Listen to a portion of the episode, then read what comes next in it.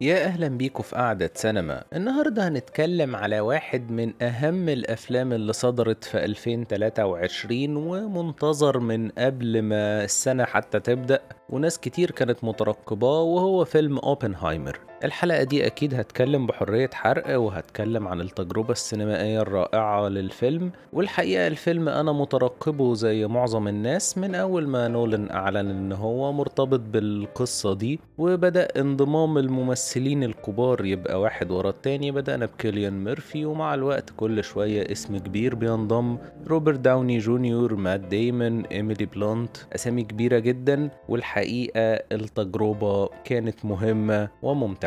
الحقيقة أنا دخلت الفيلم في السينما وما كانتش IMAX والنقطة دي كان ناس كتير قوي بتقول إن لازم الفيلم يبقى IMAX لأن أكيد هيبقى أحسن. أي فيلم في الدنيا هيبقى أحسن في IMAX حتى لو فيلم قديم أبيض وأسود. ولكن الفيلم ده ممكن يتشاف في سينما كويسة وسماعاتها كويسة. أكيد في آي ماكس التجربة هتكون رائعة جدا ولكن يعني ممكن يتشاف في حتت تانية عادي جدا. وأعتقد مع الوقت ممكن الناس تشوفه بعد كده في التلفزيون وعلى الكمبيوتر بتاعهم لأن في اعتقادي دي تجربة سينمائية هتعيش والناس هتبقى مهتمة تعيد مشاهدته لو شافته في السينما أو اللي ملحقش يشوفه في السينما هيشوفه على شاشة مختلفة أكيد عن شاشات السينما. فخلونا نبدأ نتكلم مع بعض كده عن الفيلم مع أول دقايق في الفيلم افتكرت حاجة كنا اتكلمنا عنها في الحلقة رقم 39 لما اتكلمنا عن فيلم The Aviator وهي إن إزاي نولان كان مهتم إنه يحول قصة حياة هاورد هيوز لفيلم سينمائي ولكن سكورسيزي في الآخر هو اللي أخرج الفيلم.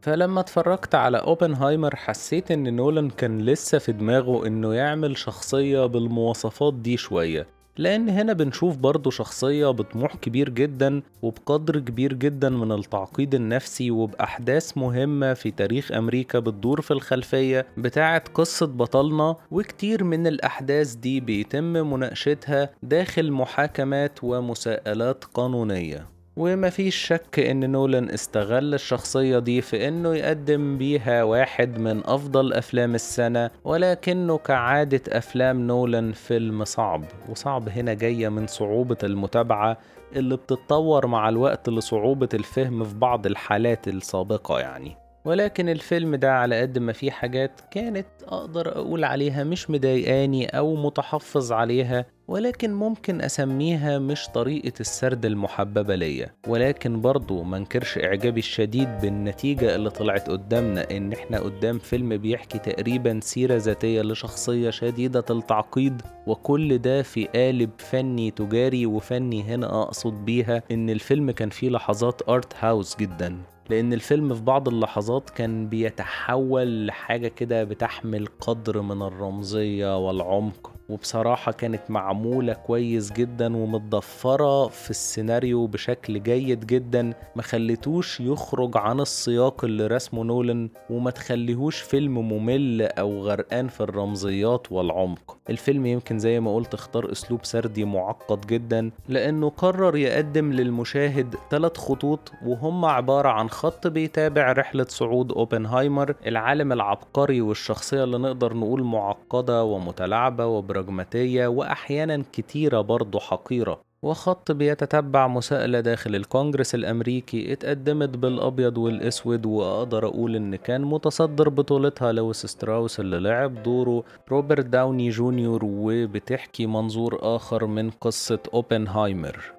أو نقدر نقول إن ده منظور لويس ستراوس وبيتم من خلاله محاكمة أوبنهايمر ومحاكمة أفعاله. والخط الأخير هو المساءلة اللي تعرض ليها أوبنهايمر شخصيا في الغرف المغلقة بعيدا عن الإعلام. واللي تعتبر وجه آخر للقصة بيقدم فيه شهادته للتاريخ. طبعا كمشاهد أخدت دقايق في الأول علشان أعرف مين فين بالظبط لدرجة على ما عرفت أجمع كل حاجة كان اللي بيساعدني في الموضوع ده هي قصات الشعر تحديدا شعر كيليان ميرفي. بس بعد كده الأمور وضحت بس بقى في كم من المعلومات والأسامي بتاعة الشخصيات مهول وطبعا انطلق نولان كالمعتاد وبإسهاب في شرح الفيزياء يعني حاجة من مفضلاته يعني.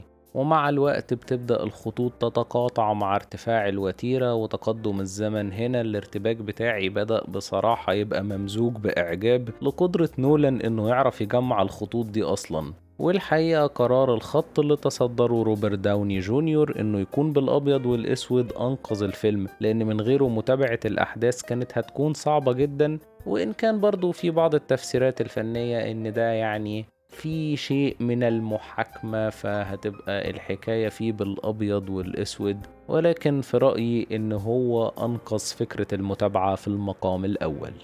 من أكتر الحاجات اللي عجبتني وكانت مثيرة جدا للاهتمام بالنسبة لي هي شخصية أوبنهايمر. أوبنهايمر مش نموذج لعالم اعتيادي شفناه في السينما لا هو الشخص اللي عايش حياته للعلم وحياته بايظة مثلا على الجانب الآخر ولا هو ضعيف على مستوى القدرات الاجتماعية ومش عارف يوصل لحاجة بره معمله زي نماذج ياما اتطرحت ولا هو عالم مستواه معقول علميا بس بيعرف يسوق نفسه ويملك قدر من الذكاء الاجتماعي لأ إحنا قدام نموذج فريد على المستوى العلمي فز وبعيدا عن العلم شخص مثير جدا للاهتمام بجد. يعني عنده آراء وبيساعدها وبيأيدها بس ما يحاربش علشانها. يعني مؤمن بالأفكار الشيوعية إلى حد بعيد وبيساند قضاياها ويحضر مؤتمرات تخصها وحفلات تخص الشيوعيين بس لو لقى مصلحته على جنب تاني خالص ويمكن جنب معاكس فهو مش شهيد المبادئ دي.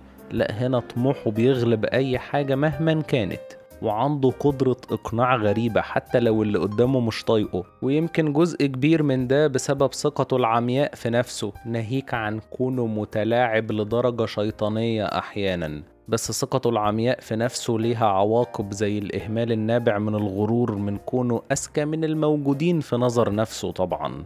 وده بنشوفه في إهماله لمتابعة بي اي ليه في الأول وبعدين محاولته لاختلاق قصة قصاد الضابط الكبير اللي لعب دوره كيسي أفليك. ولكن مع تفجير القنبلة بنشوف ندم أوبنهايمر اللي بشوفه إلى حد بعيد كان صادق يعني هو كان زعلان على موت اليابانيين فعلا بس الملفت إنه كان عايز يرميها على ألمانيا. وده بالنسبة لي بيطرح سؤال مستوحى من جملة اتقالت لأوبنهايمر في الفيلم. ما القنبلة دي كانت هتنزل على العادل والظالم على حد السواء في ألمانيا. والغريب برضه موقفه من القنبلة الهيدروجينية اللي ظاهره إنه ندم فعلا على ما سبق ورفضه لتطوير القوة التدميرية أكتر من كده.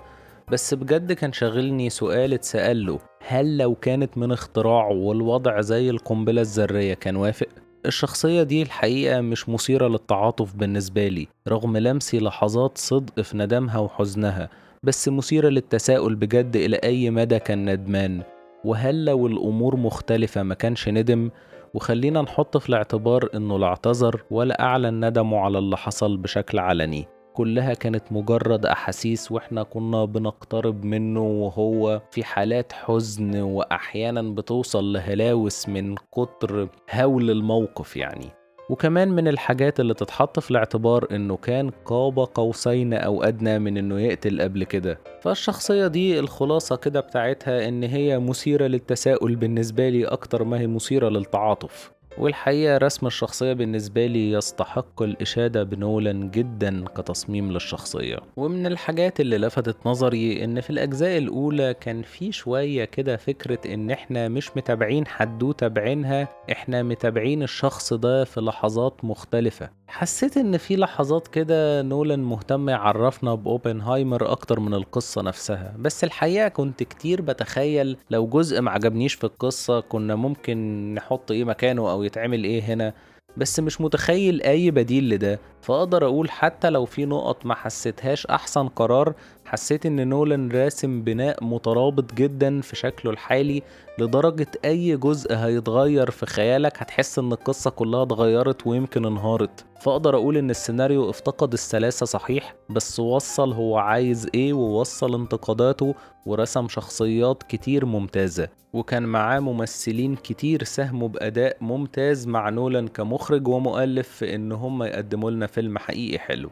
والحقيقة إن في لحظات في الفيلم ده معلقة معايا بسبب جودة كتابتها. أفتكر منها مشهد رمي القنبلة أو اختيار المدينة اللي هيترمي عليها القنبلة وكلام مات ديمن عن ليه هيترمي قنبلتين مش قنبلة واحدة وعبثية مسؤول الكونجرس اللي كان عنده أسباب شخصية بتخليه يستبعد مدينة في اليابان من القائمة دي علشان قضى فيها شهر العسل. وكتير برضو من مشاهد الخط الأبيض والأسود هتفضل معلقة معايا بسبب داوني جونيور كشخصية مكتوبة بشكل ممتاز وكأداء وبسبب جمله الحوارية وهنا فرصة إني أقول إن الحوار في الفيلم ممتاز. في كام جملة حوارية قالهم داوني جونيور. أعتقد هيبقوا من الجمل السينمائية التاريخية بجانب جمل في حوارات كيليان ميرفي ومات ديمون وإيميلي بلانت.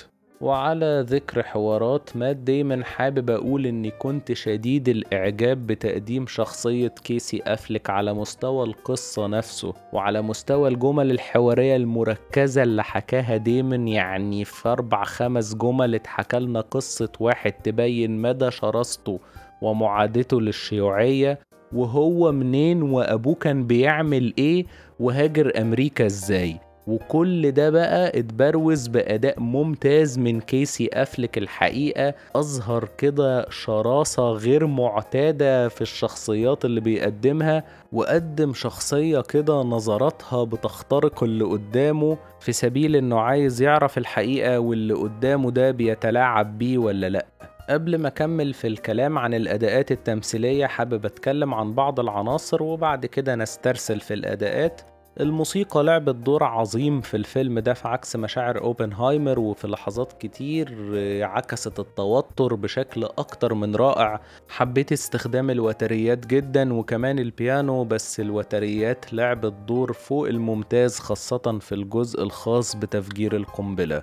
وهنا شريط الصوت بشكل عام كان رائع وموفق جدا وقرار الصمت بعد التفجير سينمائيا ممتاز لأن بجد الصمت في حد ذاته موتر وبيعكس رعب الموقف وأكتر من أي صوت كان هيتحط أو أي موسيقى هتتلعب الصمت كده كان بيبين هول الموقف. وطبعا التصوير وال visual effects على الجانب الآخر كانوا رائعين. المؤثرات بتاعه الخيالات والتفجير كلها رائعة. وطبعا المونتاج بروز ده لأنه غير القرارات بتاعه ترتيب اللقطات كان ال pace والإيقاع بتاع الفيلم من الحاجات الممتعة اللي خلت الثلاث ساعات مش مملين خالص.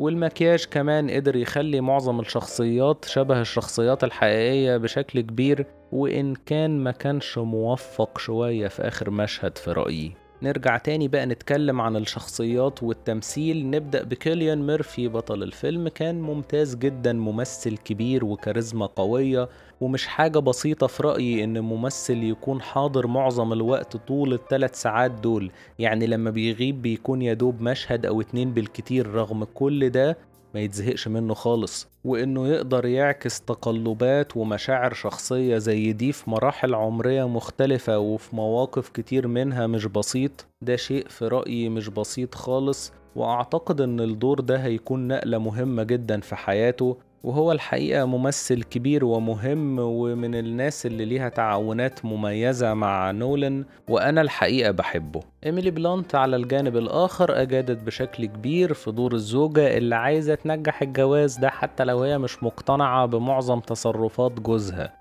وحتى إن في تصرفات بتأذيها وبتمسها شخصيا زي خيانته ليها. بس بينها وبينه بترفض التصرفات دي وبتحتقرها في بعض الأحيان. وبنشوف موقف زي سلامه على بيني صفدي في مساءلته ورفضها السلام ده وإزاي ما تفش عليه أصلا. وبنشوف هي نفسها بتتصرف إزاي معاه بعد زمن وإزاي مش بتنسى. بس في نفس الوقت زي ما قلت هي مهتمة تنجح العلاقة. وبنشوف إزاي بتتعامل في مساءلة أوبنهايمر. وحسيت إن الشخصية دي متأثرة بزواجها التاني. وموت زوجها السابق على جبهة الحرب الأهلية الأسبانية فبنشوف إزاي رفضها لفكرة إن حد يعمل شهيد لمبادئ أيا كانت ورفضها الشيوعية واعتناق أي مبدأ يضر الشخص وعلشان كده بترفض قبول أوبنهايمر بحضور المساءلة اللي كانت متأكدة إنها هتكون مش في مصلحته. ونروح لشخصية روبرت داوني جونيور ممثل كبير جدا وأخيرا خرج من عالم ال super heroes والحاجة الكويسة إنه رجع بشخصية مهمة زي دي في فيلم كبير زي ده. حالة كبيرة جدا من التماهي بيقدمها مع الشخصية بتاعته بجد في لحظات ممكن الواحد ينسى إن ده داوني جونيور من الأساس. والشخصية بتاعته مش سهلة بتحركها رغبة شديدة في الانتقام وصفتها زوجة أوبنهايمر إن مخلياه عنده صبر زي القديسين ومع الوقت هنكتشف إن إحنا كنا بنتفرج على واحد بيدير مؤامرة سياسية على أعلى مستوى. ومع النهاية حسيت إن هو أوبنهايمر في لحظة كده بقوا زي وجهين لعملة واحدة رجلين طموحهم شبه دمرهم والأمور خرجت عن الخط اللي رسموه جوه خيالهم. ومن داوني جونيور ننتقل لمات ديمن اللي كان بجد رهيب. مش هقول أكتر من إنه ظهر بعد بداية الفيلم بحبة حلوين. قبل كده ميرفي كان بيخطف الكاميرا من أي ممثل قصاده في المشهد. الوضع اختلف مع ديمن بقى في مباراة ممتعة على مستوى الأداء خاصة إن شخصية ديمن كانت هي أول ند الأوبنهايمر في الفيلم. وبنشوف إزاي هو مش مقتنع بتصرفاته بس محتاجه وإزاي العلاقة بينهم فيها اختلافات بس بيتجاوزوها لمصلحتهم. ننتقل بقى للأدوار الأصغر حجما ولكن مهمة في التأثير برضو ونبدأ برامي مالك اللي عمل كام مشهد كانوا حلوين الحقيقة وبعدين في الآخر بيطلع مفتاح الفيلم كله معاه يعني لو حد متلخبط ممكن يفهم الفيلم من آخر مشهد لرامي مالك. وعجبني جدا أداء بيني صفدي اللي كان مفاجئ بالنسبة لي وبنشوف إزاي العلاقة بينه وبين أوبنهايمر فيها تعقيد لأن هو صاحب اختراع القنبلة الهيدروجينية. وفي الآخر بنشوف إزاي الشخص ده بيتصرف لمصلحته وبيدوس على أوبنهايمر في تصرف ممكن يعكس نوع من الندالة وممكن يثير التعاطف مع أوبنهايمر بس الحقيقة هو شبه تصرفات أوبنهايمر نفسه في البداية. وننتقل لفلورنس بيو كان تمثيلها كويس الحقيقة وشخصيتها حسيت إن الهدف منها هو عكس جانب محدد وتوضيحه في شخصية أوبنهايمر أكتر من كونها فعالة في القصة بشكل عام. ضيوف الشرف في الفيلم كانوا ممتازين الحقيقة واختيارهم كان رائع. زي ما اتكلمت عن كيسي أفليك كان في برضو جاري أولدمان وكينيث برانا كانوا عاملين دورين حلوين جدا كمان. آخر حاجة حابب أقولها على مستوى التمثيل أضعف أداء هيكون تجسيد توم كونتي لشخصية أينشتاين. على قد ما كانت الشخصية مهمة في الأحداث وليها جمل حوارية قوية بس الأداء بصراحة ما كانش مقنع بالنسبة لي وكان باهت كده. فلحد هنا خلصت كلامي عن أوبنهايمر واحد من التجارب السينمائية الممتعة. أتمنى تكون الحلقة عجبتكم ويا ريت اللي مش عامل subscribe يعمل علشان توصل لكم الحلقات الجديدة باستمرار. ونتقابل الحلقة الجاية. مع السلامة.